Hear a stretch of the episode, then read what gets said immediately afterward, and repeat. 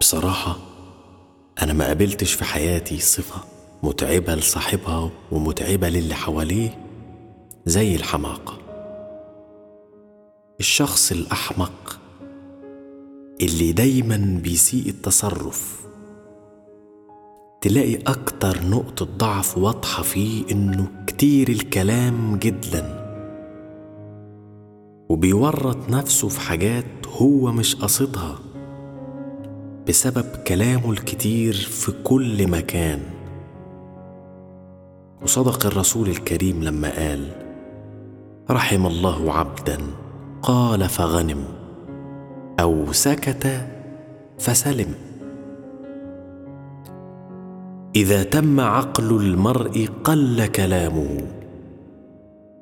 وأيقن بحمق المرء إن كان مكثرا.